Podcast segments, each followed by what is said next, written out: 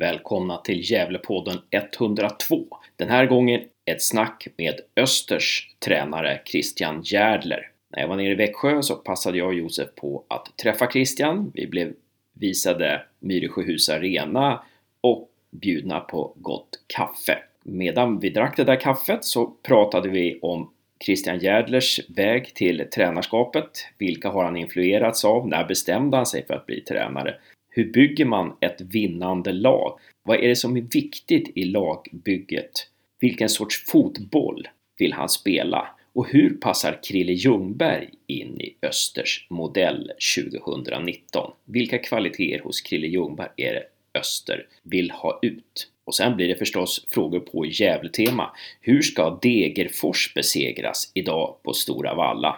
Vad är det som gäller när det bara är ett par omgångar kvar? Hur ska Marcus Bengtsson och Gävle IF tänka? Vad blir viktigt? Och hur är Christian Järdles egna Gävleminnen? Han avslöjar att han var med i den klassiska 4-3-segern. Den klassiska enligt GIF ögon sett. Segern mot Malmö med 4-3 sedan Malmö hade lett med 3-0.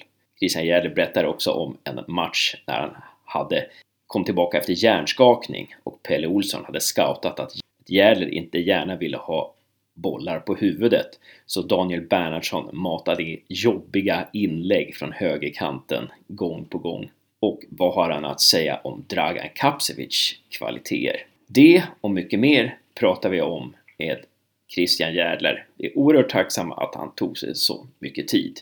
Kom ihåg nu att Gävle IF spelar idag klockan 16, lördag den 3 november, en viktig match mot Degerfors borta på Stora Valla. Vinst där och om Varberg och eller Värnamo förlorar så har vi fortfarande chansen i sista omgången nästa helg. Det vore ju fantastiskt om vi fortfarande kan ha chansen efter den här ganska miserabla säsongen. Kom ihåg också att köpa aktier i Gävle IF. Gå in på Gävle IFs hemsida så får ni se hur man gör.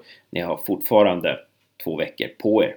Och har, tycker ni att 1882 kronor är för dyrt så kan ni gå in i med mindre pengar, mindre belopp i Carrick-läktarens insamling där man försöker köpa, skramla ihop till att köpa aktier. Vi gör allt för att hjälpa Gävle IF inför framtiden. Hoppas att det här avsnittet ska vara intressant och vill ni stötta oss så får ni naturligtvis gärna gå in på Patreon och donera några dollar i, i varje månad. Det gör att vi kan finansiera den här podden. Då var det inte mycket mer att säga utan nu går vi all in mot Degerfors idag och håller tummarna för att den här säsongen trots allt ska sluta lyckligt. Trevlig lyssning!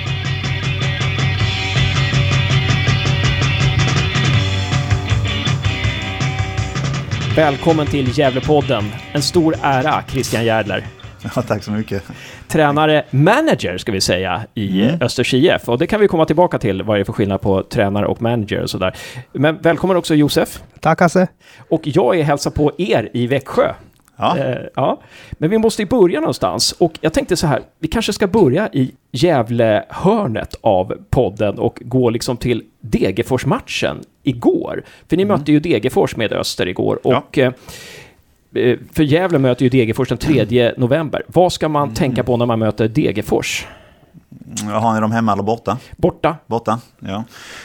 Um, jag höll på att säga synd. Eh, men, eh, och det, det, är mer riktat att, att jag har alltid sagt att Degerfors borta ska man ha tidigt på, eh, eller inte ha tidigt på våren eller sent på hösten. Utan Stora Valla är ju ingen plan som är känd för att hålla någon högre kvalitet året runt. Utan man ska helst vara där på sommaren. Men, och det så var det även igår. En, en tungsprungen plan som, som blev sämre efterhand. Men jag tycker att vi, vi gör en totalt sett en, en bra match och vinner rättvist. Ehm, Delarna som, som vi lyckades bra med igår tycker jag var att vi, vi hade ett, högt bolltempo, vi använde bredden på planen. Eh, de spelar 3-4-3 vilket de oftast gör. Eh, vi kom, kom runt deras centrala mittfält eh, ganska tydligt och deras, deras tre offensiva spelare fick, fick springa väldigt mycket och deras innermittfältare mittfältare fick också springa väldigt mycket. när vi fick ner en fembackslinje hos dem. Så det, det är någonting som man kan utnyttja och som jag tycker att är, gångbart eh, om man vill skapa ett bollinnehav på deras halva. Mm. Mm. Du, du pratar ju mycket, när man lyssnar på intervjuer med dig så brukar du prata om att vi ska ta matchen till oss, eller hur du brukar uttrycka Vi ska ta initiativet mm. i matchen oavsett vilken motståndare vi möter i princip. Eh, tro, tror du att det, det Betyder det att du, du tycker att... Jag tror du att det är en fördel mot Degerfors att man bestämmer lite? I grunden tror jag att det är en fördel mot alla lag. Eh, och det är precis som du säger, jag, jag pratar ju väl om initiativ där ofta. Det, det är vi som ska, eh, ska, ska få matchen åt det, åt det hållet som vi vill att den ska se ut helt enkelt. Och, och vara det laget som, som, som för den i stora delar. Och det, det, det tror jag så även, även mot Degerfors så går, får vi till en matchbild där vi, där vi äger mer, mer boll än dem och vi, vi eh, det är vi som lite, lite styr vad som sker där ute i, i faserna av att vi har ett, eh, ett bra uppbyggnadsspel vilket ger oss lång, långa anfall med mycket folk och vi, därför är vi också eh, tidiga i vår press att ta tillbaka bollen. Och då, då får man en matchbild där, där vi har mer boll och, och, där, vi, där vi lite får, får kontroll över händelserna. Och det, det, det funkade bra igår det, det tror jag säkert skulle funka väldigt bra för Gävle också. Mm. Mm. För det kan ju vara lite så här, för ni ju, har ju varit en svacka lite i, som alla lag hamnar i, så har ni varit en svacka. Och eh, jag vet att du sa i en intervju där att trots att ni var i svackan så skulle ni spela ert spel. Jag tror att det är... Är det där man testas på något vis? V vad man tror på och sådär? Är det lätt att överge sin idé där när man, när man, när man bara börjar förlora ett par matcher och sådär? Ja, det... Ja jag tror så här, desto större, större miljö man, man finns i, desto större arena man står, står på så, så kommer det alltid vara ett, vara ett tryck eh, utifrån förväntningarna och att man ska vinna matcher. När man då inte gör det så, så, så prövas ju man i, i, sin tro och sin, sin beslutsamhet och, och eh, eh sin, sin liksom övertygelse om att det man gör är rätt och, och våga fortsätta med det. Och det. Det är mitt sätt att arbeta. Det, jag säger inte att det behöver alltid vara rätt. Eh, men, men mitt sätt är att jag, jag är oerhört tydlig med hur jag vill, hur jag vill spela och, och det, det kommer jag inte överge i första taget. Utan vi, vi hade som du sa en tuff period. Vi vann inte på sex omgångar vilket i, med, med vår ambition och, och eh, de resultaten vi vill nå så, så är det ingen, ingen bra, bra svit alls. Men vi, vi gnuggade på och vi kände att vi, det skulle komma. Vi hade ett, eh, två 0-0 matcher här i rad både mot mot Jönköping och mot er då i Gävle där jag tycker att vi, vi är närmast seger man inte kan, kan sätta dit bollen. Men vi, vi har varit konsekventa i vårt sätt att arbeta i veckorna och, och i matcher. Jag tror, jag tror på det. Men om man då alltid kör på med samma sätt att arbeta, blir man inte väldigt lätt scoutade då? Mm. Det... Eh, säg så här att jag... jag du, har, du har rätt i, i det. Eh, och det jag mer menade med med att fortsätta arbeta var, var att behålla de principerna och metoderna man har. Eh, för precis som, som du säger så, ställ, så, så kan man ju om man, om man väljer att eh, ha exakt samma idéer in i, i varje match eh, då kommer man att bli sönderläst. Då kommer man att fastna på något sätt. Så att det, det jag är oerhört noga med, mitt sätt att arbeta och det jag, det jag pratar om när jag vill behålla kontinuitet och vara konsekvent är att jag har, jag har principer och metoder i, i vårt sätt att spela som jag aldrig kommer att överge. Sen kan jag välja att, att, att justera positionen på spelare eller, eller justera vilken eh, sida vi vill mest bygga upp spelet på. Det är olika detaljer, så, men vi kommer inte att överge en del av, av de eh, de delarna som, är, som ska vara vår identitet. Som är det här Östers IF, det här, så här spelar vi. Eh, sen igår spelade vi 4-3-3 mot Degerfors och vi spelade 4-4-2 mot eh, Landskrona när vi vann med 5-0 här. Så att, men, men det ser ganska likadant ut i vårt uppträdande. Men vi har, vi har skruvat och flyttat någon spelare för att det passar bättre mot just det motståndet. Kan du ge några exempel på vilka, några principer ni, du alltid följer? Ja, men, men dels har jag, har jag alltid eh, ett högt försvarsspel i grunden. Eh, jag vill alltid ha, ha, en, ha en målsättning att ta bollen så högt som möjligt. Eh, oavsett om det är det är ett etablerat försvarsspel när motståndaren har inspark eller det är att vi själva har tappat den. Så det, det är en princip vi har eh, oavsett om vi möter en trebacks, fyrbacks eller fembackslinje eller vilket motstånd vi möter. Så, så är det, är det en, en, en defensiv princip. Eh, offensivt kan man säga att vi kommer alltid att, att vilja eh, spela upp bollen utmanande kallar jag det. Att man vill, vill tvinga motståndarna i att vi, vågar ta fram bollen, driva bollen framåt och tvinga dem att välja någonting. För till sist måste motståndarna välja, ska jag täcka höger, ska jag täcka vänster, ska jag gå fram i press, ska jag falla? Och när, när det händer så har vi då eh, kopplat en del alternativ till, till vårt spel beroende på vad de gör. Kan det vara ett exempel till exempel, eh, jag tänker på när jag såg Landskrona-matchen och Johannesson, tror jag var han, kommer ut på, fri på kanten. då är det ofta jävla att man sticker rakt ner. Mm. Så ställer man inga frågor. Men så här sticker man diagonalt. Då man, mm. då man antingen får välja om man ska täcka inåt mm. eller utåt. Vi har, har ju som grund att vi vill, vi vill, alltid, vi vill alltid finnas mellan spelare och hos motståndaren också. Att vi, vi, vi vill, drömscenariot är att alltid att kunna komma fram med bollen, ha, ha en, en röd spelare i vårt fall då. Eh, och, och mot Landskrona mellan, mellan de svartvita och en, en utanför och en innanför. Så att man hela tiden... Eh, vi, vi har två alternativ och beroende på vilket de väljer att täcka spelar vi det andra. Så kan man säga. Mm. Mm, Sen så när, på upptaktsträffen där så berättade du också att du tänker i, du delar in planen i olika zoner. Mm. Hur pass vanligt är det att man gör det? Eh, är det, är det ett nytt drag att tänka så? Eller är det någonting som alltid har funnits men det är vissa tränare som väljer att använda sig av den principen?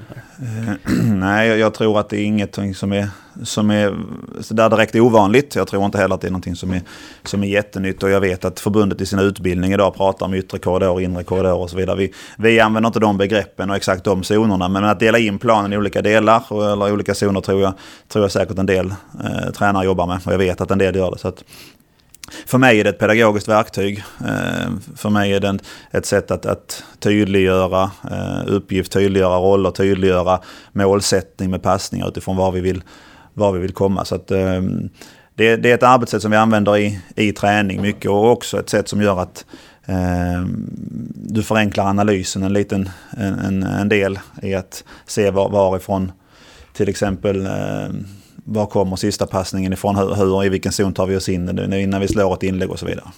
Mm. Mm. Det, man får ett språk att analysera med, att man får ett språk att prata om fotboll helt enkelt. Det är lite så, eller? Att, ja, men, ja, vi, vi, vi är ju ett lag tillsammans och vi, vi jobbar ihop och det, det är jag tillsammans med, med, mina ledare och sen så våra 23 spelare som, som ska göra det här tillsammans. Och då, då är det oerhört viktigt att vi, vi förstår varandra, vi har gemensamma idéer och kallar det ett gemensamt språk. Då, att vi, vi ja. vet vad vi vill vi vill göra. Sen behöver inte det fungera i, i Malmö FF eller i, i Degerfors för den delen. Men, men eh, ty, det grundar sig i en, en pedagogisk tydlighet att vi, eh, för att kunna få fram det man vill så, så har vi valt att att då kunna, Förenk kunna skapa, ja, jag tänker förenkla zon, de här zonerna, budskapet.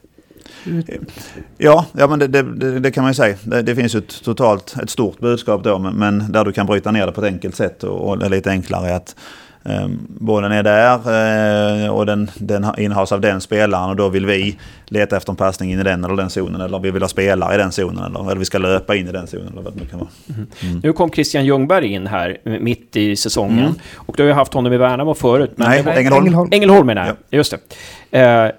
Eh, jättebra. Och eh, Ängelholm förut. Var han bekant med ert sätt att spela? Hur mycket behövde du liksom uppdatera honom? Ja, det håller vi på med. kan vi det, säga. Det är, en, det är, fortfarande en process alltså? Där. Ja, oh ja. ja. Mm. Christian har varit för länge i Gävle. Uh, för, för, min, för min smak. Han var, han var nästan... Uh, uh, spelade mer lite som jag vill i Ängelholm, men han har gjort nu i två och ett halvt år. eller ett och ett halvt. Ja, ett och ett halvt. Ett och ett halvt, ja mm. precis. Uh, nej men det syns det lite, det är intressant det här för det syns lite på honom att han har varit i en konstgräsklubb. Eh, han är van vid att bollen beter sig lite annorlunda, att man kan göra lite andra saker med bollen som, som eh, det inte funkar lika bra på gräs. Eh, sen är Christian en, en, i mina ögon en, en, en, spelare med stor potential. Ehm, väldigt goda egenskaper, har, har lite spetsegenskaper som en innermittfältare som inte är så vanligt. Ehm, men men ehm, både jag och han eh, är medvetna om att det här Eh, det här är en process för honom. Han kom in i ett lag som spelat ihop i, i åtta månader när han kom i stort sett och, och satt sina idéer på plats. Och Christian har inte varit med i det för att det här sättet spelar vi inte på i Ängelholm. Eh, några delar finns men, men eh, mycket är nytt. Eh, så att han behöver komma, komma in i detta och, och eh, ingen tvekan överhuvudtaget från min sida att det kommer att bli bra. Eh, men, men det är en invändningsperiod för honom eh, och sen så är det igen vi pratar om vi pratar om fotboll, det är inte bowling när jag tränar honom bara, utan det är fotboll. Han, de andra känner varandra väl och han måste, måste komma in i relation med de andra och förstå att när, när Liridon eller Jonathan Drott eller Anton Andreasson och vem han än spelar med flyttar sig dit, då är det min uppgift att flytta hit. Och det, det gör man inte på tre veckor eller eh, så, utan... Eh. Men jag tänker ändå fick Christian starta hans första match mot Brage. Ja. Hur kommer det sig? Att Jonathan Drott var avstängd. Ja. Just det.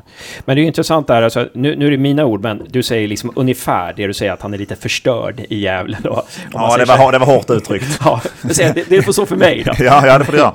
men men, men vad, vad, är det, vad, är det, vad var det där, alltså bortsett från det här med att han var van vid konstgräs, vad var det liksom han, ja, han behövde vänja sig av med eller lära sig? Ja, det, det tydligaste är ju för mig är det här lite lite avvaktande, lite täckande försvarsspelet. Där, där, man är nöjd med att vara i sin position för att jag försöker stå i vägen mer än att jag försöker ta bollen.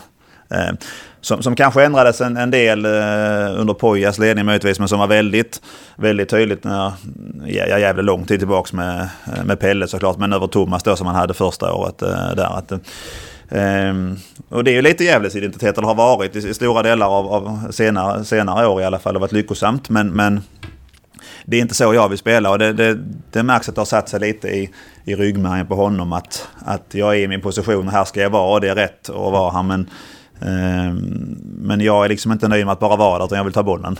Mm. Eh, och det, det har han i grunden men han har tappat lite under sitt, eh, sin tid i Gävle. Mm. Är, är det något lag som bara spelar positionsförsvar idag? Eller i, i superettan och allsvenskan? Eller är det... Är det, att det är bara Gävle som gör det. Är det bara Gävle som gör det? Eller?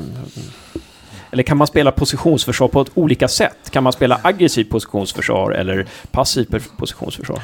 Jag, jag tror att många lagspelare eh, dels kan ha olika försvarsspel beroende på vilken lag eller vilken spelare du pratar om. Några, några spelar med ett, med ett positionsspel på, på mitten, man har zonmarkering på kanter och så vidare. Så att det är nog blandat. Men, men ett lag som Falkenberg är ju väldigt också tydliga i sina positioner utifrån 4-4-2 där de jobbar i sina raka linjer. Så de spelar ett positionsförsvar över, över, över eh, hela planen och de ligger ju tvåa. Så det är inte, det är ju ingenting att det, det är dåligt, man väljer om man vill göra. Eh, men vi, vi gör inte så och det, det är han snart inne i. Mm. Mm, just det, just det.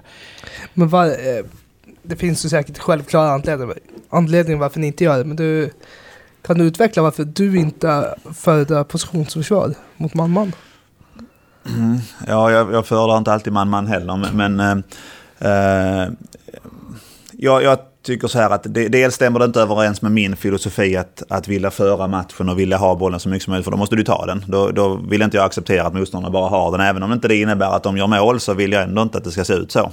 Eh, jag vill ha det så mycket som möjligt.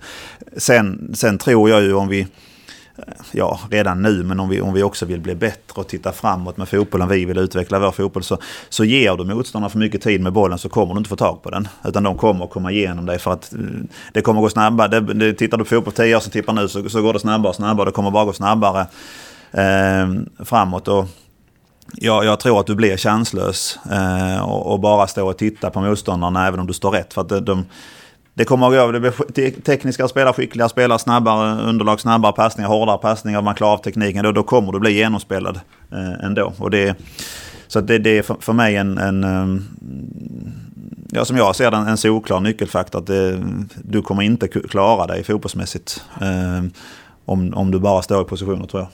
Finns det vissa underlag som är sämre också för positionsförsvar? Jag menar, jag tänker på ett snabbt gräs som Gavlevallen till exempel borde ju vara eh, dödsdömt. Med för att, ja, medan till exempel Degerfors, Stora Valla där, mm. kanske när det är lite dålig plan, mm. kanske positionsförsvar lönar sig bättre, eller? Nej, men, jo, så, så skulle jag säga att, att det är. Eh, tittar vi på allsvenskan, som du åker upp till Norrköping och tror att du bara ska kunna ställa dig rätt och få tag på bollen så kommer du inte röra den. Då kommer de att såga sig igenom och, och, och spela igenom dig. Men, men visst, som en lite halv halvlång, dåligt klippt eh, gräsplan eller en studsig gräsplan där det är svårt att få rätt på tekniken hela tiden så, så är det betydligt lättare att klara sig. Mm, mm.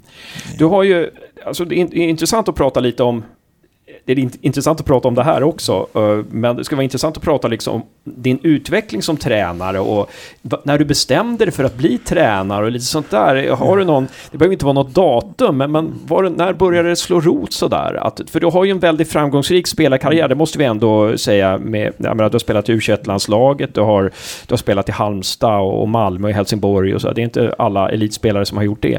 Ehm, och du har haft ganska många bra tränare också, mm. om man tittar på, du har ju haft Tom Prahl hade väl något år va? Och, Nej, jag har inte haft Tom Prahl. Jag har haft en, en rad andra. Jag har haft ja, Nanne Bergstrand, Peter Svärd, Jan Andersson, Jens Gustafsson, eh, Sören Åkerby. Eh, ja, många. Roland Nilsson. Roland Nilsson. Två turkiska tränare när jag var i Turkiet. Eh, Ja, som, som många mm. såklart.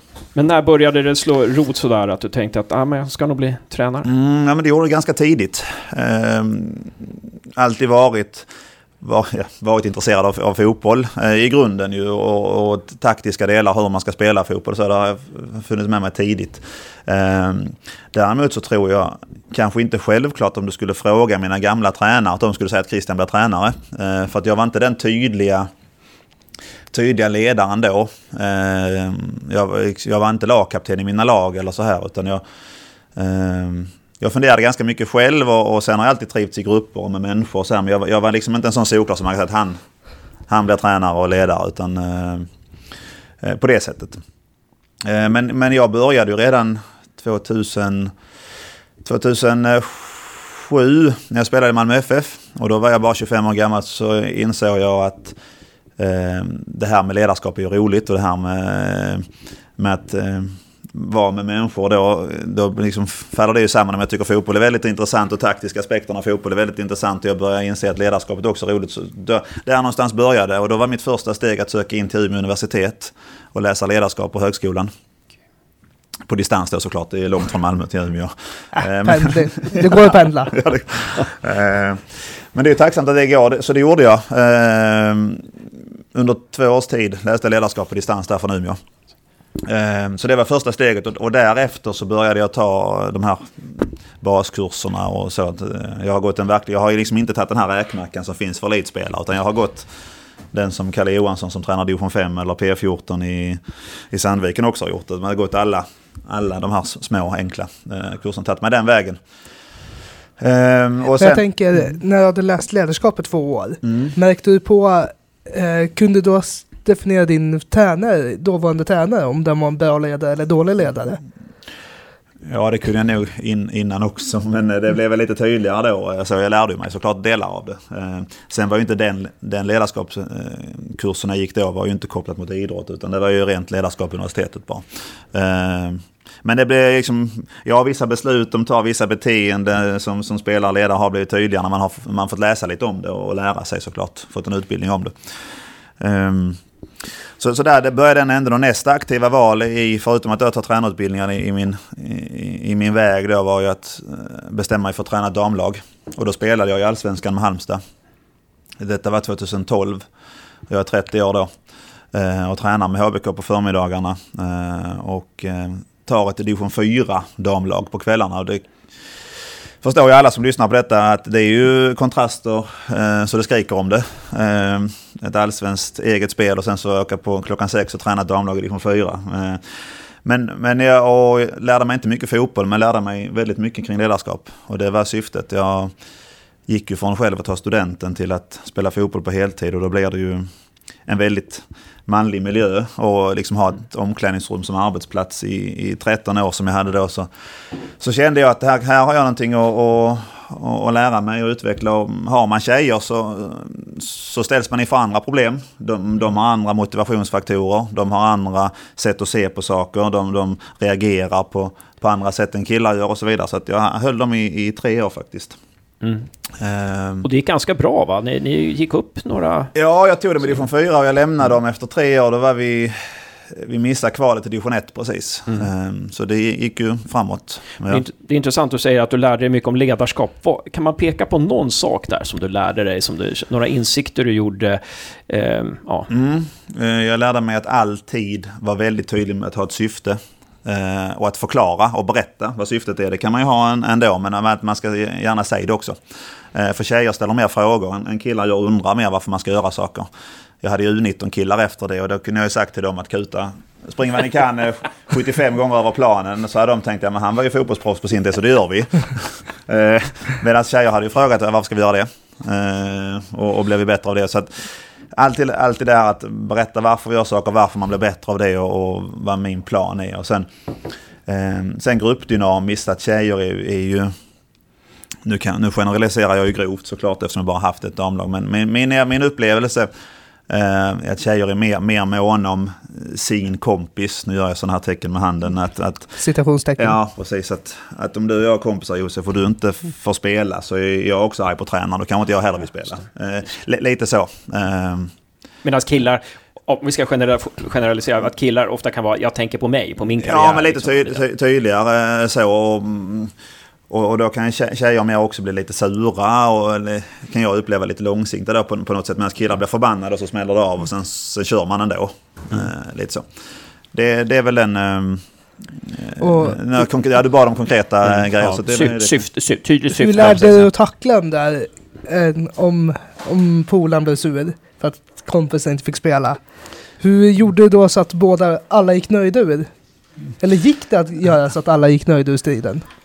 Ja, det, det upplever jag nog att jag, jag lyckas med de flesta gånger. Men, men det är ju det är liksom dialog och, och samtal och, och igen. Eh, det, även om syftet är tydligt var, varför man inte får spela så, så och det berättar jag alltid, det börjar jag även för mina spelare idag. Berättar varför, jag, eh, varför du inte får spela. Om du startade förra, så om du inte får göra det så berättar jag varför man, man inte får göra det. Så att, eh, sen tror jag nog att när, när jag gick därifrån så var det säkert lite lite sura miner ändå kanske. Men jag, jag upplevde ofta att om man, om man är mer tydlig varför man gör saker och, och pratar om det så, så får man en, en, eh, en förståelse som kanske inte visar sig direkt men när det har sjunkit in i dem så, så när de kommer nästa dag så, så har man ändå, ändå någonstans eh, fått någon typ av, av, av samsyn och, och, och eh, en uppskattning då för att man var ärlig.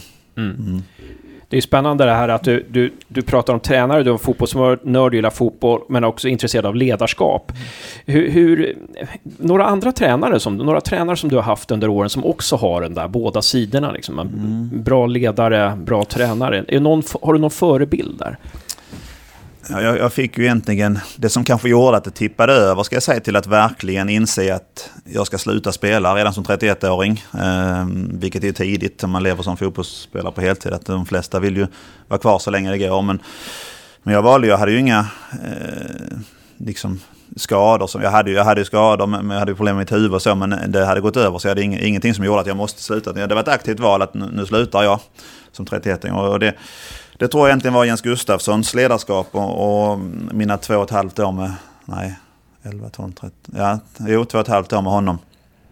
Som, eh, som verkligen fick det att, eh, som jag sa, tippa över att nej, men, det här han gör är ju är mycket av detta som jag skulle vilja göra och eh, då fick jag känslan av att nej, men nu, nu slutar jag så satsar jag på detta istället. Och då hade jag ju som jag hade haft dam, damlaget då under, under en period. Jag hade också börjat jobba lite på fotbollsgymnasiet, hålla i träning. Och då var jag ju långt på utbildningssteg. hade gjort avancerad. Eller nej, jag höll på med avancerad då. Så att jag, då bestämde jag mig för att nu, nu har jag gjort mina träningar. Nu har jag gjort detta på heltid i, det blir nästan 13 år. Och det, då gör man en del träningar och spelar en del matcher. Nu, ja. nu vill jag ställa mig på andra sidan linjen. Ja, just det. Mm. Var det då du började läsa ledarskap, eller hade du börjat läsa? Nej, det hade, det hade jag gjort sju år tidigare. Ja, det, ja, det hade du gjort, ja. naturligtvis. Ja. Ja. ja, men då, så, då hade du en grund att stå på där, ja.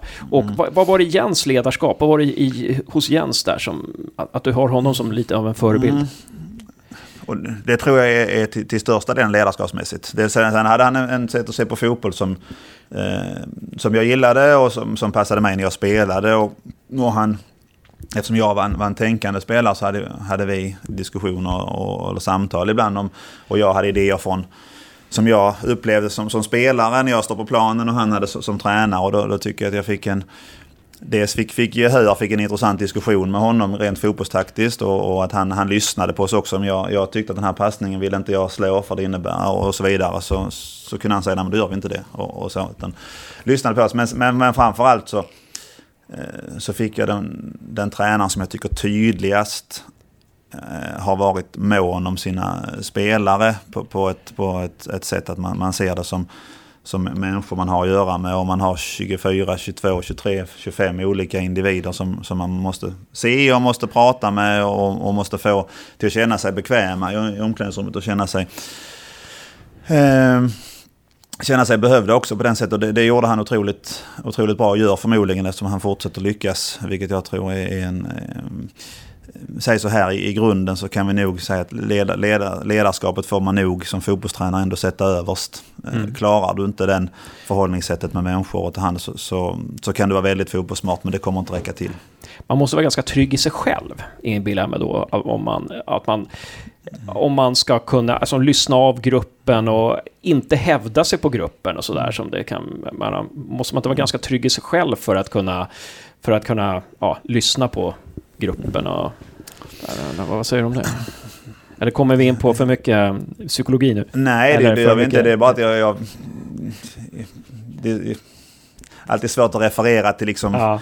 Ja. Eh, men, till, så, men, men, för min egen del så, mm. så känner jag väl att jag trygg i mig själv som människa, trygg i mig, mig, själv i att jag, jag vet hur jag vill ha det. Jag vet hur jag vill, vill ha det gruppdynamiskt, jag vet hur jag vill, hur jag vill ha det, liksom hur vi ska bete oss och, och, vilken identitet vi vill ha på, på gruppen och på laget och trygg i min fotboll. Och då, då, då får man väl... Eh, om man dessutom gillar att prata och är lite verbal som jag och, och lätt att förklara det så, så tror jag att man, man, eh, man nu får den här tryggheten i sig själv som, som mm. du pratar om. Intressant. Intressant också att du nämner James Gustafsson där. För det, det är ju spännande det här med att när jag upplever, när folk pratar om Jimmy Thulin också, när man pratar om Poya Asbaghi, så, så är det ju också de här ledars, ledaregenskaperna som mm. lyfts fram så här. Men när, när, man hör, när de gör dåliga resultat, är det där, nu måste vi ha in en annan, det måste komma in någon, eh, supportrar säger ofta så här, måste komma in någon som kan skälla på spelarna. du kanske också har hört det där genom åren? Det måste vara någon som kan visa vad skåpet ska stå liksom. Och, jag ja. tror nog att alla de tränare du pratar om där, eh, inklusive jag, också skäller på spelarna. När det behövs. Men ja. när du väl skäller, då, hur skäller du? Rättare sagt, det måste vara skapligt konstruktivt. Mm. Du kan inte, eller är det så att du bara går in och skäller ut en spelare av bara råsågaren?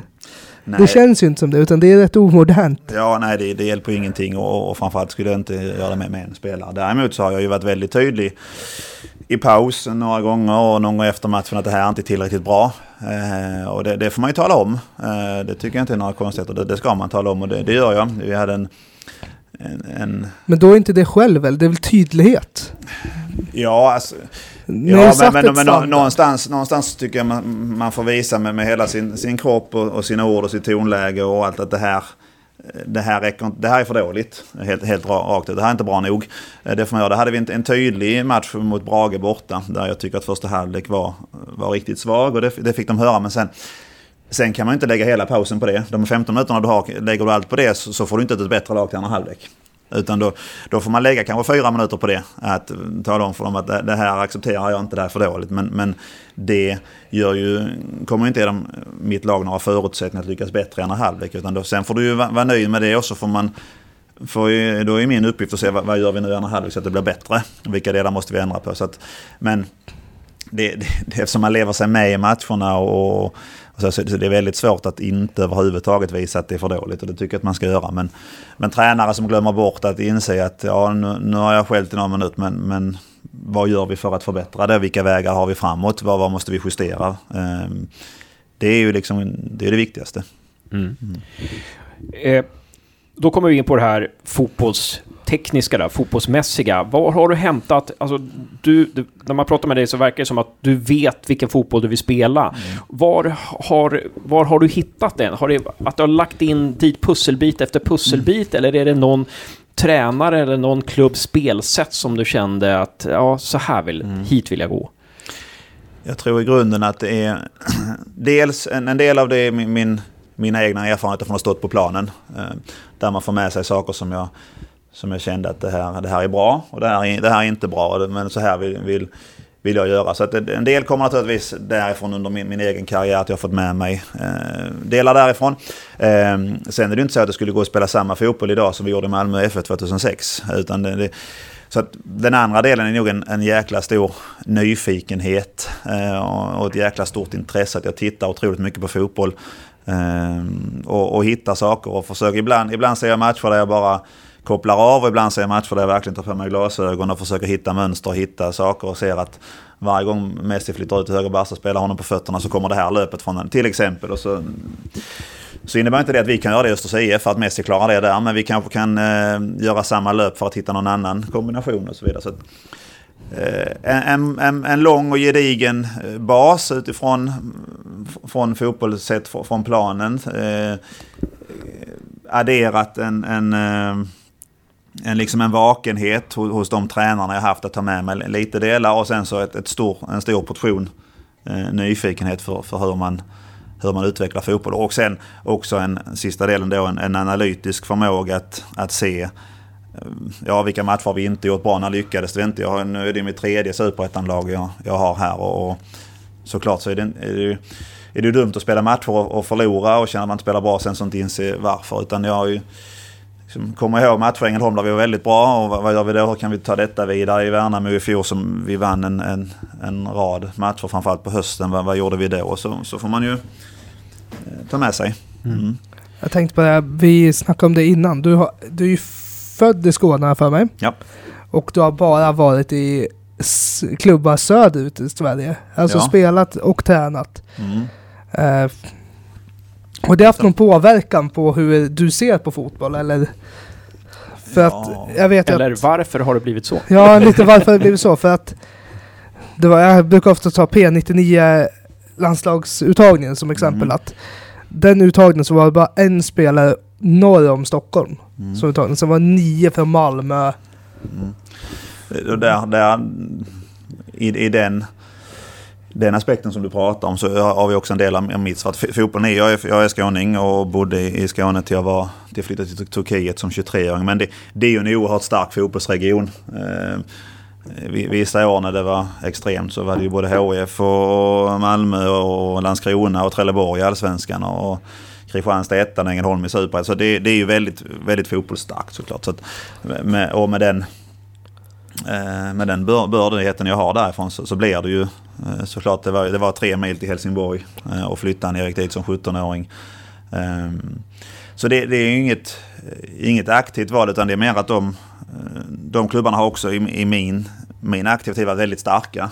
Jag gick till HF när man, HF hade tagit guld och det året 2000 man spelade Champions League. Det var mitt första år i Helsingborg. Där var det ju, att, att svenska mästarna var tre mil ifrån är ju inte en nackdel utan då väljer man ju det eh, såklart. Eh, när jag flyttade hem från Turkiet så hade ju Malmö FF tagit guld 04 så att det fanns inte heller många bättre alternativ. Eh, att jag valde Halmstad därefter var ju en liten social del såklart att fortsätta kunna vara kvar. Vi kunde köpa ett hus i Ängelholm där jag är ifrån och pendla därifrån. Och sen sen var, var Halmstad ett bra, en bra klubb då också, ett jättebra alternativ. Så det, det, det, är väl eh, en, del av svaret och sen har det inte i ärlighetens namn varit så många andra klubbar som, eh, som har, har ringt. Jag har varit aktuell för en Stockholmsklubb en gång men det har liksom inte varit, eh, varit så stort intresse där utanför utan det har, varit, har blivit så.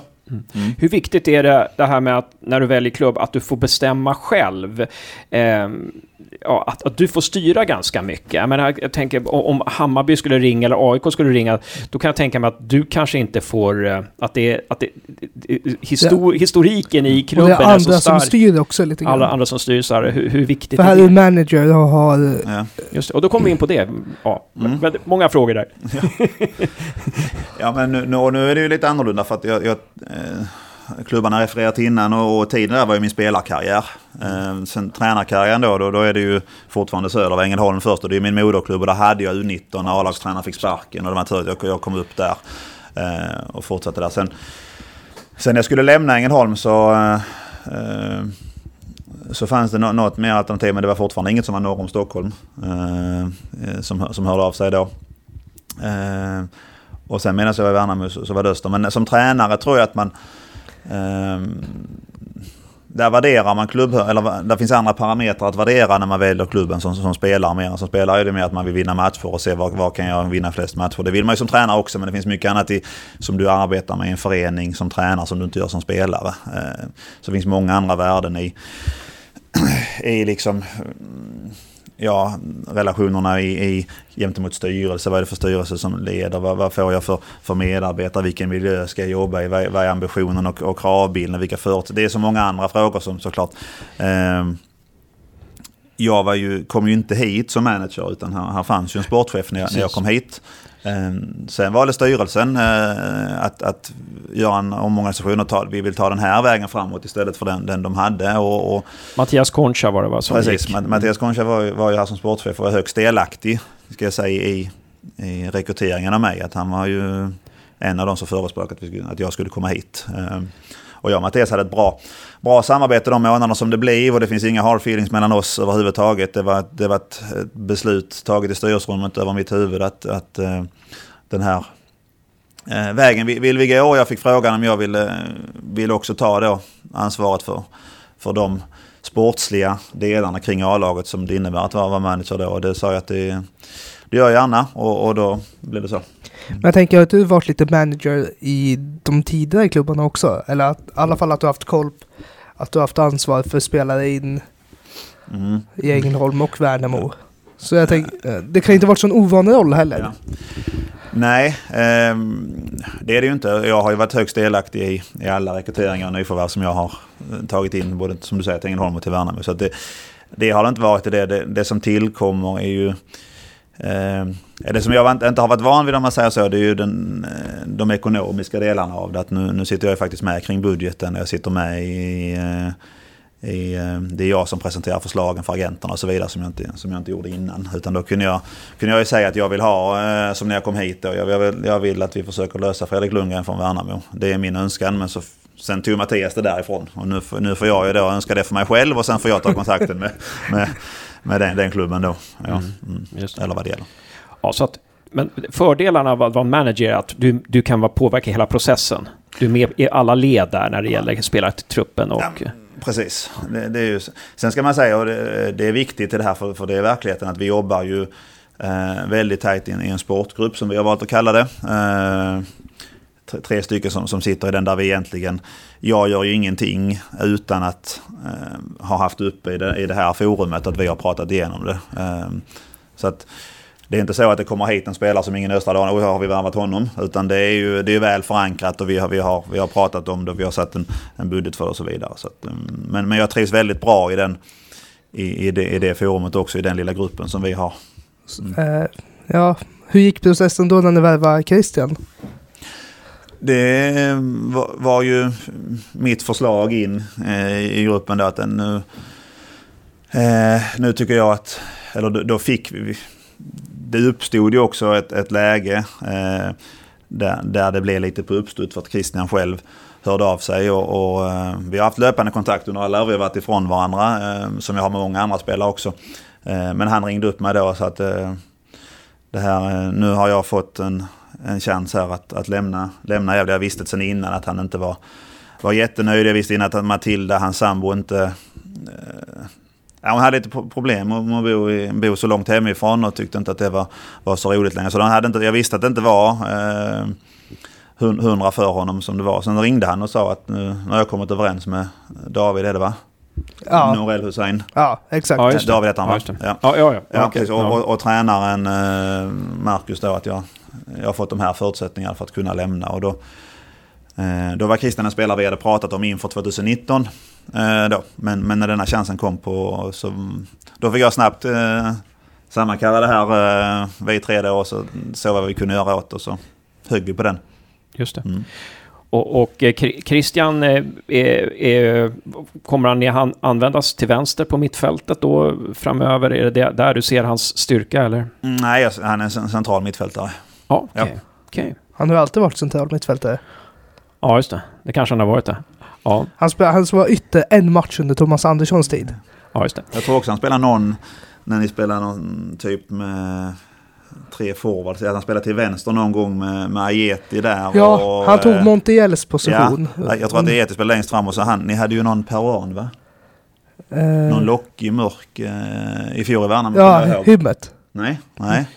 Som ni värvade på sommaren i fjol. Montiel. Gutierrez. Gutierrez. Gutierrez, han, ja, ja. Jag tror att han... Och, och Ajeti och Christian spelade då i, i, när ni var i Värnamo i fjol när jag mm. tränade dem. Men annars så är det en, det är en central mittfältare från början och, och, där tycker jag han ska vara. Ja. Man, man pratar truppsammansättning så, så är det ju ganska intressant att de, det, det lag som är yngst i Allsvenskan, det är Trelleborg, de ligger sist. Det lag som är yngst i Superettan, det är Gävle, de ligger sist. Mm. Och, och det, bara det vittnar ju om att man kanske ska tänka lite när det gäller åldersstruktur och sådär. Mm. Hur mycket tänker du på det? Um Ja, ganska mycket. För det, det är ju en del av eh, en del av truppsammansättningen. Det finns ju många andra, andra viktiga delar som, som egenskap och positioner så, såklart de tydliga. Men, men också att få en, eh, en, en trupp som innehåller erfarenhet och som innehåller, vi, vi pratar mycket om, om, om, om liksom hjärta, klubbkänsla också. Att man är, eh, man är inte bara här för att spela utan man, man faktiskt också Eh, är stolt och älskar föreningen. Och jag, jag är Stefan liksom, Karlsson. Till exempel ja. Måns Karlsson, Mario Vasilj, Fredrik Lundgren kom hit. Vi, vi är ju stolta att vi har 13 smålänningar i A-truppen. Av 21 spelare så är 13 smålänningar varav 9 är födda i Växjö. Det tror jag, utan att kolla det, tror jag att det är en stark siffra i Elitfotboll-Sverige. när nästan 50% är födda i stan. Så det, det, det är ju en aktiv, ett aktivt val att det vill vi försöka. Eh, och det är ju också inte bara det att de är födda i stan, utan de är ju bra spelare. Ja, det är ju... Det går ju inte annars. Men kan vi, men kan vi hitta, alltså har vi bra, det, det är liksom en aktiv del att vi, vi vill ju så mycket som möjligt eh, var, ha den lokala förankringen och känna att vi är, vi är lite stadens lag. Och kan man då ha 13 smålänningar som, sagt, som, som vi har så är vi stolta över det. Eh, men det är, det är en viktig del för att som jag ser det så måste du ha ett visst mått av erfarenhet, du behöver ha, ha, ha rutin, ha den här klubbkänslan, du behöver ha spelare som har varit. Ska du ta det till en högre nivå så ska du helst ha spelare som har varit på den för att liksom, skapa en kultur i träningen, att det här behöver vi och så vidare, få, få hjälp med det. Eh, samtidigt som jag tycker det är oerhört viktigt att väva in att du måste ha potential i truppen. Det finns två sätt att tjäna pengar i svensk fotboll. Det, det är att sälja spelare eller så måste du spela i Europa. Eh, och för de flesta klubbarna så är det att spela i Europa är väldigt långt fram på stegen. Mm. Om man inte som Gävle för tio år sedan fick Europaplatser, tre Europaplatser på, på, fair play. På fair play ja.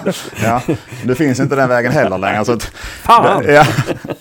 Nej, men det där är då, då, eh, då är det ju intressant såklart med unga spelare. Det, det tycker jag att man, man måste ha. Men, men eh, det finns ju också, eh, blir det för ungt, precis som du pekar på här, så, så ser vi att det, det kommer kanske pendla för mycket prestation eller man, man, man man håller inte nivån över tid då som, som gör att det, det, blir tufft. Men, men vi försöker ha en, eh, en, en truppsammansättning där vi, vi vill ha spelare som vi känner att de här är, är väldigt utvecklingsbara. Det här är hög potential i dem och vi, vi aktivt tittar på det. Vi har föryngrat redan lite under året. Vi tappade tre spelare i sommar. Det kom in tre stycken yngre än de som vi släppte.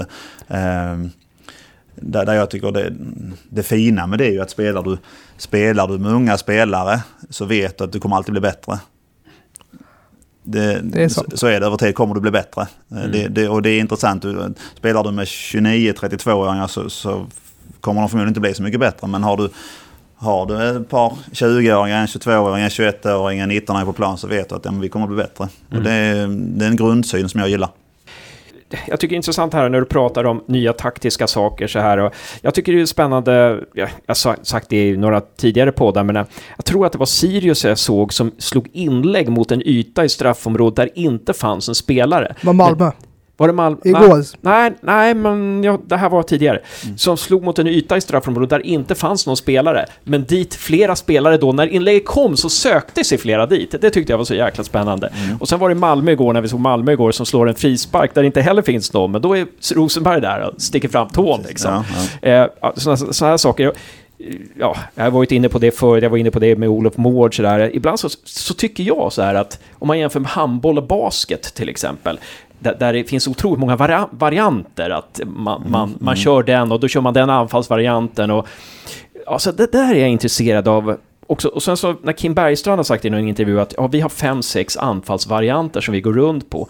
Så jag är intresserad av det där. Vad, vad, säger du om det här med varianter och system och sådär? Är fotbollen ut, outvecklad? Kan man göra mer av det där? Och hur många varianter kan man ha innan det börjar skada, eh, skada prestationen utav dem? Mm. Intressanta, intressanta frågor, bra, bra, bra frågor. Men, eh, om, vi, om vi delar upp det, om vi börjar med det här som ni pratar om inlägg på den ytor där du då tycker att det inte, det inte finns någon faktiskt. Men, men då, då är, ju, är ju tanken med det att om, man, om, om, om vi inte har någon spelare där så kommer förmodligen inte motståndaren ha någon heller.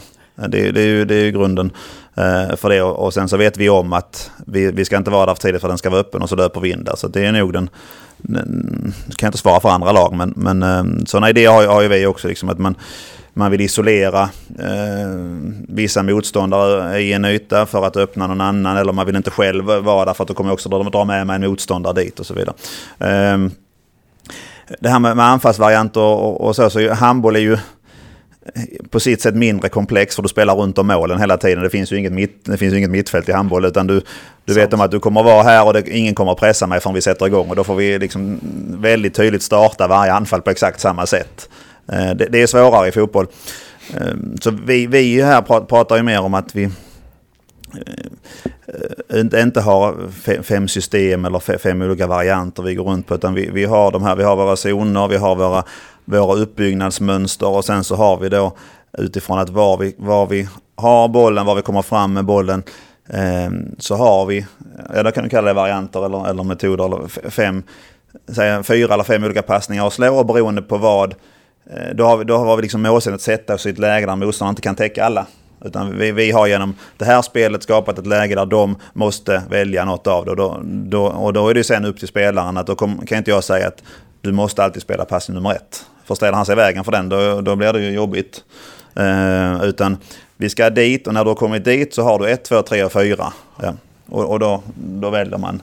Ja, och där, där kommer du fram till att det, där gäller det att ha så bra spelare som möjligt helt enkelt. Som, som klarar det så många gånger som möjligt och som kan sätta ihop det tillsammans.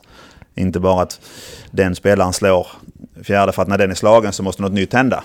Eh, och, det, och det måste ju hända tajmat och det måste hända tillsammans. Eh, och så. Och det, där kan vi koppla tillbaka till Christian igen att det är sånt som, som tar tid att komma in i. Det är sånt som jag kan säga att vi vill nå dit och sen så när vi har nått dit så vill vi, ja, och de måste liksom sitta ryggmärg för att man ska kunna starta sin löpning i tid, i rätt riktning, i rätt hastighet och så vidare. Mm. Så mycket lagsammanhållning och eh, att man är kreativ i sista tredjedelen? Ja, och kreativ inom, eh, liksom in, inom de ramarna som vi har för att det ska kunna, för att det ska kunna gå att sätta ihop med, med andra spelare. Är du, är du liksom högst kreativ själv men, men det här är inte någonting som vi har pratat om eller jobbat med eller har, har som idé så är det svårt för de andra ofta hänga med på det. Sen, kan, sen liksom pratar vi nu sista 20 metrarna så kan det ju räcka med att du gör något väldigt kreativt själv och så kan du göra mål själv. Eller, eller sätta upp, det, det, det går ju men, men Eh, vi vill ju förhålla oss till, till gemensamma idéer och, och, mönster som vi tränar och sen så handlar det om att för varje, varje, varje mönster så finns det ett alternativ för att vi har ju också ett, ett elva spelare som vill förstöra. Mm. Men är det då också så här, om man kommer till den där situationen då man kan spela passning 1, 2, 3 eller 4. Mm. Blir det, om man säger att det är rätt nära straffområdet, mm. blir, det då, blir det då fel om spelaren själv försöker vända och gå på avslut?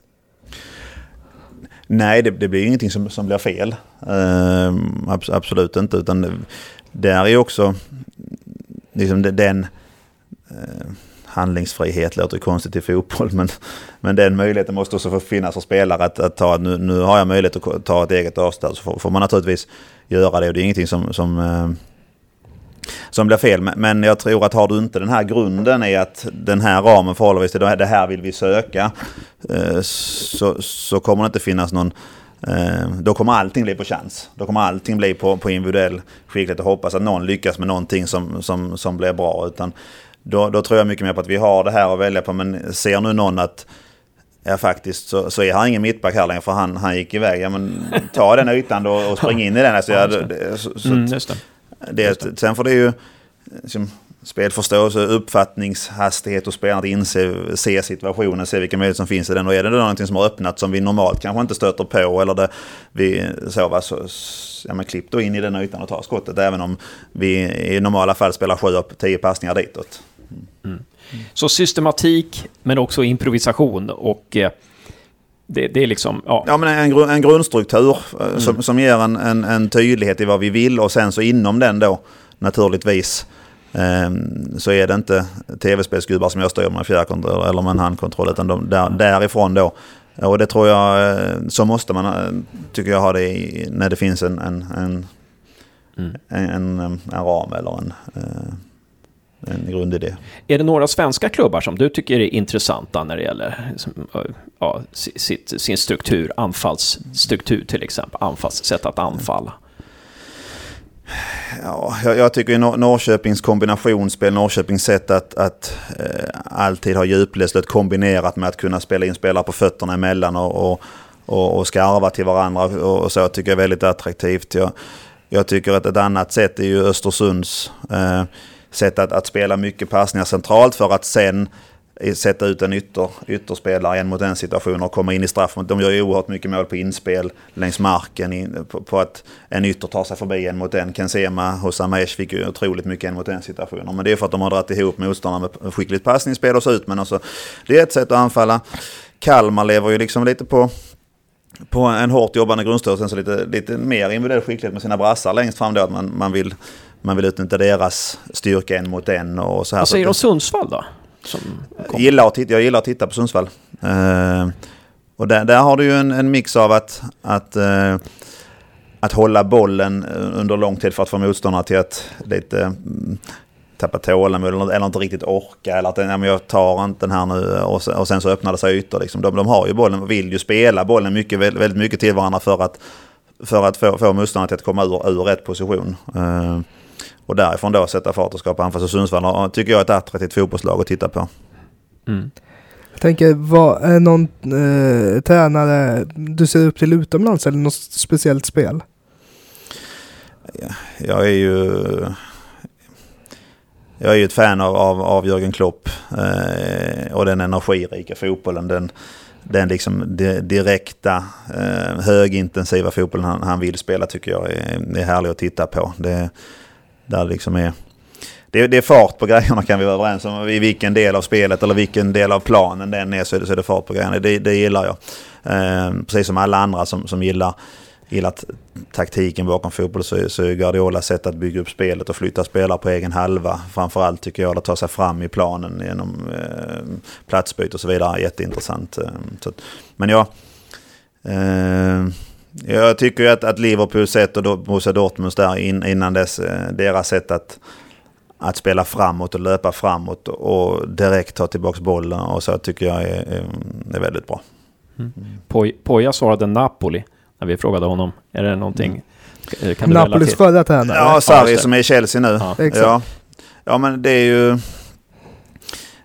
Det, det håller jag med, med om också. Och det, det, det är otroligt strukturerat. Och jag, jag såg Napoli mot... Ja, vilka de vann ju på ett sent mål i Champions League. Äh, Liverpool. Ja, det var mot Liverpool ju. Ja, precis. Den vill jag se för att Liverpool har sin fotboll. Eh, och Napoli bytte Ancelotti men, men är fortfarande väldigt bra. Jag tyckte Napoli var jättebra i den matchen. Eh, så att, eh, ett, eh, ja, det är ett, ett, bra val, ett bra lag. Mm. Mm. Sen är det ett vanligt namn som dyker upp, det är ju Marco Bielsa. Ja. Ehm, jag tror att det är lite... Nu, Eh, med risk för att vara ute på, på djupt vatten här. Men, men han, är ganska vanlig på YouTube och ganska vanlig att hitta klipp på, på hans träningar och, och lite så. Och det, det, jag kan tänka mig att en del av det kommer, eh, kommer därifrån. Eh, men, att han är bra på att få ut... Eh, nej, men det att man... Att, han syns. Jag, jag, jag, tror att han syns lite precis lite där. Och ja. jag, jag, tror att han syns i, i, i mycket akademiska kretsar av, av fotbollen. Eh, så här, där man, där man studerar lite och, eh, statistik och sådana här. De, Eh, jag tittar ju på det också men tycker inte det är den roligaste delen att följa, eh, följa statistik. Men ehm, där är han nog eh, synlig. Mm. Men avslutningsvis då, eh, Christian Gärde, ska jag bara säga det att vi, vi är väldigt glada att Öster vann igår. Dels för din skull och mm. Eh, Östers skull, men också för Östersupportrarna. För att eh, annars, med tanke på alla sms och mail du har varit tvungna att svara på från Gävlepodden senaste veckan, så hade, var vi rädda att vi hade tagit fokus ifrån matchen där, att vi hade blivit stämda av, av Östers supportrar här om ni hade förlorat den matchen. Men eh, det var en bi, bisats där bara. Men, men eh, om vi kommer in på det här med, med eh, Gävle IF då. Mm. Eh, några minnen så här, dina, när du har mött Gävle, mm. några matcher som du minns?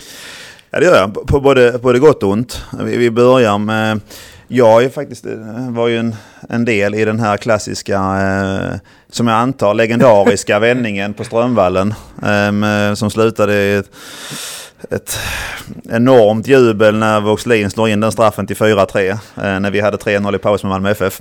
Eh, den matchen spelade jag. Ehm, så att, kan väl tänka mig att det är ett av de stoltaste ögonblicken i modern tid som Gävle-supporter. Att, att vända ett 0-3 till 4-3 mot Malmö FF. Du är för eh. evigt älskad för att vara med på plan. ja. Så, så den, den faktiskt äh, har jag spelat. Och, och... Har du vänsterback då eller? Ja. Mm. Mm. Är inte din kantstraffen kommer på?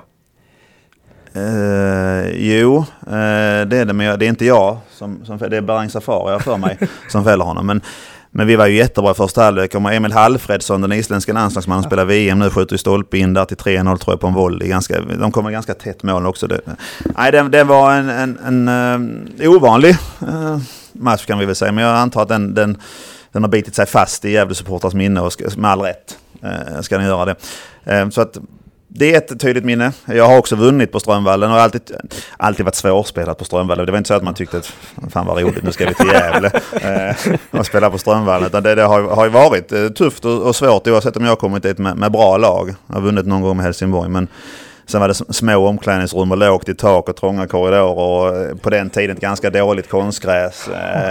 och ett liksom väldigt homogent, eh, kommer ihåg de här Bernhardsson som spelade högerback. Jag kan ju de flesta nästan för att eh, Hasse Berggren där sprang högt. Alltså det, det, var, det var tufft och svårt att mm. möta Gävle. Det var ingen match man såg fram emot så här. Ja. Väldigt uh, liten plan också va? Jag tror att Strömvallen var minst i Allsvenskan faktiskt. Ja, ja det kan jag inte riktigt. Och sen så jag eh, som ytterback, kommer ihåg vi kom dit om det var 13. Eh, spelade Gävle i Allsvenskan 2013, kan ni komma ihåg det? Ja, det var Pelles sista år. Ja, mm. okay, ja. och då, var det, då hade jag haft den här eh, kollisionsskadan med mitt problem med huvudet och med huvudvärk så, så att jag, var, jag älskade inte de här luftölarna längre. Och sen så kom jag Daniel Bernhardsson skicka sådana, jag var, han var högerback, jag var vänsterback, sådana långa ner mot Orum i bak. Och där Pelle Olsson läste in det att Christian Gärder vill helst inte ta huvudet så sätt dem där bakom. Så att, jag vet inte så, så många luftfällor jag fick som jag inte ville ha. Så att, eh, ja. Eh. Var det med Helsingborg eller? Nej, det var med Halmstad.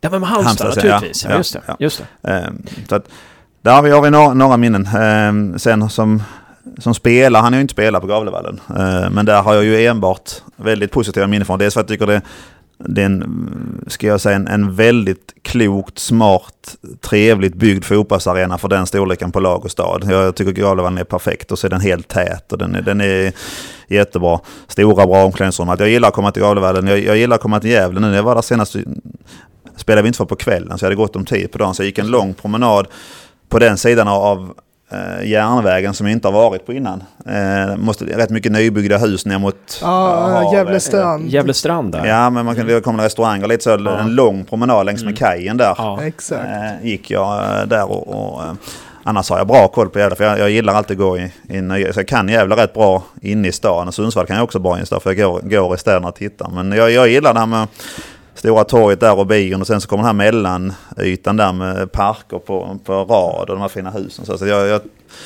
Nej, och, och, och, vidare då mina positiva känslor kring, kring det att jag har ju på de här två senaste åren gjort, gjort, nio mål på två matcher i, i Gävle. Eh, så länge jag har varit, det är två år jag har kommit upp till Gavlevallen. 5-2 i april i eh, 2017 och 4-2 om det var i maj eller april. Det var rätt tidigt också. Ja, eh, jag kommer inte Maj var nog, men med, med, med, Öster, med Öster då. Så att, eh, Vänta, gjorde vi två mål i år? Ja, ja ni gjorde, ni sköt Måns i magen så den bytte riktning. Men vi ledde ja, väl. Kralj var det som sköt det. Kralj bröt in och sköt med högran ja, precis. Mm. Och sköt på Måns. Men jag tror att ni faktiskt gjorde, om det var 1-2. Men så gjorde vi 3-1 ganska snabbt, efter gjorde vi 4-1 och sen fick ni... Just ja. Det var öppna... Mm. Jag var öppna inte spel. där då, det var därför. Ja, just det. Mm. Men det var då Florian gjorde en maxlöpning som man aldrig sett dess like. när bollen låg där på, på mållinjen och dundrade in returen. Just det. Och alla ni som tycker Florén är världens bästa spelare, alla släktingar till Florén, ni kan, vi, vi kommer intervjua Florén och ha, ha, special om honom framöver, så att ni, ni, ni, ni behöver, inte, behöver, inte, behöver inte skriva några me, elaka mejl nu till oss. Eh, men bra, det var någon fråga mer jag hade om Gävle IF där. Ja, du nämnde innan om spelarna. Eh. Jag undrar vad du menar Halmstad, när vi slog Halmstad med 4-0? Ja, med Janne Andersson? Ja. Mm. Det var nog rätt tidigt, var 2008? Va? Um, 2007? Jag har inget minne av det. Sen, kan, sen kommer jag inte ihåg alla matcher jag spelat såklart. Det, men, jag har det var 27. Ja, nej, det var jag inte med. Det var senare. Ja. Nu är ju Krille här hos er. Mm. Eh, Dragan Kapsiric, vad har du att säga om honom? Han, han, var ju en spelare som Pelle tog in då ja, precis, under allsvenska tiden. och, och ja, mm. har gjort väldigt bra i alla klubbar. Sirius tror han gjorde 13 mål det mm. året de gick upp. Och... Han har varit med och skjutit upp tror jag både, både Östersund det året de vann gjorde han väl 13-14 mål och sen så flyttade han till Sirius och gjorde samma sak där och de gick upp. Så att, och sköt oss kvar 2010. Ja, det gjorde också. Ja. Mm. Nej, men en, som sagt, det är en väldigt pålitlig, pålitlig målskytt i, i den här serien. Uh, som, uh, som fortsätter göra mål. Han har gjort 11 nu tror jag. Jag tror han är trea i skytteligan. Uh, spelade 70 minuter igår och skulle gjort mål. hade en jätteläge men, men fick inte in den igår. Men, nej, men det är en där vi pratar erfarenhet så är det en väldigt erfaren forward som kan den här divisionen och som, som är, är bra i denna, i denna serien. Eh, som är en otroligt stark i, i de delarna av spelet han är bra i. Det vill säga att eh, det felvända spelet, ta in bollen, eh, skarva vidare bollen. Eh, att, och det, där pratar man ofta bara om att, utifrån att man, han är bra på, liksom på huvudet och skarva. Men det finns ju, det finns ju mer sätt att, att skarva en boll så han faktiskt träffar någon i det egna laget mer än att bara se till att vara högst. Uh, och där, där har han en skicklighet i att styra ner boll och så vidare. Och sen är han ju vass i, i straffområdet. Uh, både med sitt huvudspel och sin, sin styrka och sin storlek. Och, och har faktiskt det är inte den snabbaste spelaren, men han har väldigt god timing, väldigt klok i, i, i även små djupledslöpningar för att få de här insticken och kunna avsluta på. Så att, um, nej, men en spelare som sagt gjort 11 mål och han var ju, då spelade han ju inte sin första match från start i serien förrän, förrän i början på juni. Uh, han missade egentligen hela, hela våren, så att på, sett till startade matcher så är det en bra siffra. Uh, mm. så. Pelle Olsson sa att han hade exceptionell teknik. Det kanske är det som, alltså, att, att han träffar bollen så rätt när han ska träffa bollen. Och när, när du säger att han nickar, att han liksom är... Att, ja, det beror på vilka delar man pratar om. Jag skulle inte, säga, jag, jag, skulle inte klassa honom som en spelare med, som jag... Eh, det var jävla, med jävla mått Han liksom. använder ordet teknik, så skulle inte, men, men han har ju en fantastisk... Men skottteknik? Ja, kanske skottteknik han menar. Han har ju, jag skulle säga att han har en fantastisk teknik i att ta emot bollen på bröstet det har han. Den, den har inte, jag har inte tränat någon spelare innan, eh, knappt spelat med någon som jag känner är så, så, så trygg och så fin teknik i, i den delen. Eh, men teknik som helhetsbegrepp så, så skulle jag inte klassa honom som, en, eh, som att det är exceptionellt bra. Ja, just det. Ja, just det. Och han, han, han, blev ju inte kvar i Gävle för att just att han var för långsam. Liksom. Mm. För, I och med att Gävle slog om ganska mycket under Pelle mm. Olsson mm. där, så var han, han ja, vi, vi, vi, ja. Nej, det är, ju, det, är, det är ingen spelare som passar i ett kontringslag om man vill vara det. Eh, det, är inte, det är ju inte hans styrka. Utan han mår ju bra av, av ett lag som, som har långa anfall så att man liksom har ett par passningar på motståndarens planhalva och, och kan, kan flytta in i box och vara, vara delaktig i, i det spelet. Det, ska han ner på, på egen halva försvar sen gå iväg i en snabb kontring så, så finns det andra forwards som passar bättre. Mm. Då har du mött Gävle två gånger och du kanske har sett Gävle några gånger, eh, andra gånger. Vad är det du tycker Gävle som lag måste bli bättre på för att eh, ha chansen nu de här sista omgångarna? Vad, eh, vad, ja, det är ju inte...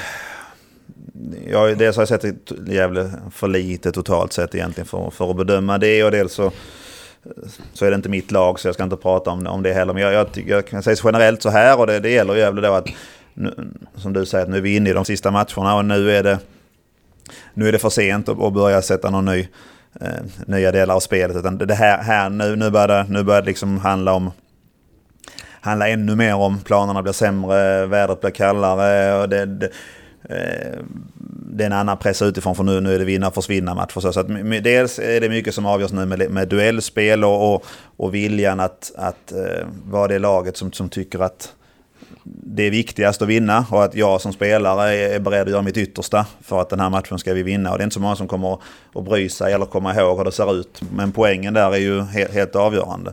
Så att dels de, de fysiska delarna som, som Gävle måste verkligen värdesätta. Eh, vilket jag tror alla, alla lag gör nu. Men också, också att kunna hantera det här eh, pressade läget som man är i. Och, och ehm, det är ju en del som Marcus har att vara noga med. Ehm, för att försöka hitta rätt, rätt anspelning och spelarna säger, säger rätt saker som, som får dem motiverade och inspirerade utan att bli, bli rädda eller eh, för den delen ehm, övertända. Liksom. Mm.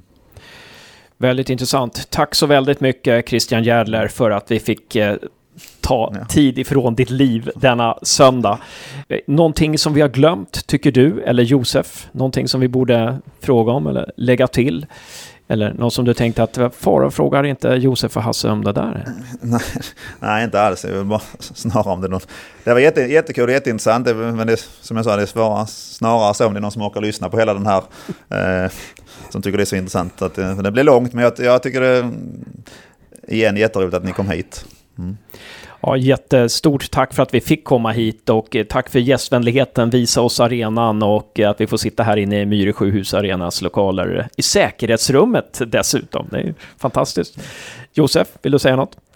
Jag tycker det har varit en otroligt eh, spännande pratstund. Jag tycker vi inte haft någon lik, någon så här intressant person sen vi snackade med Poja sist. Alltså så tak taktiskt kunnande, alla aspekter, ledarskap, eh, hur man ska träna, hur man... Ja, taktiskt ledarskap, alltså det är bland det högklassigaste jag har hört. Precis. Så efter tack den här... Så, tack så mycket. Ja, jättekul, verkligen. Så efter den här intervjun kan det bara gå neråt helt enkelt. Nej, men supertack Christian. Ha det så jättebra. Tack detsamma.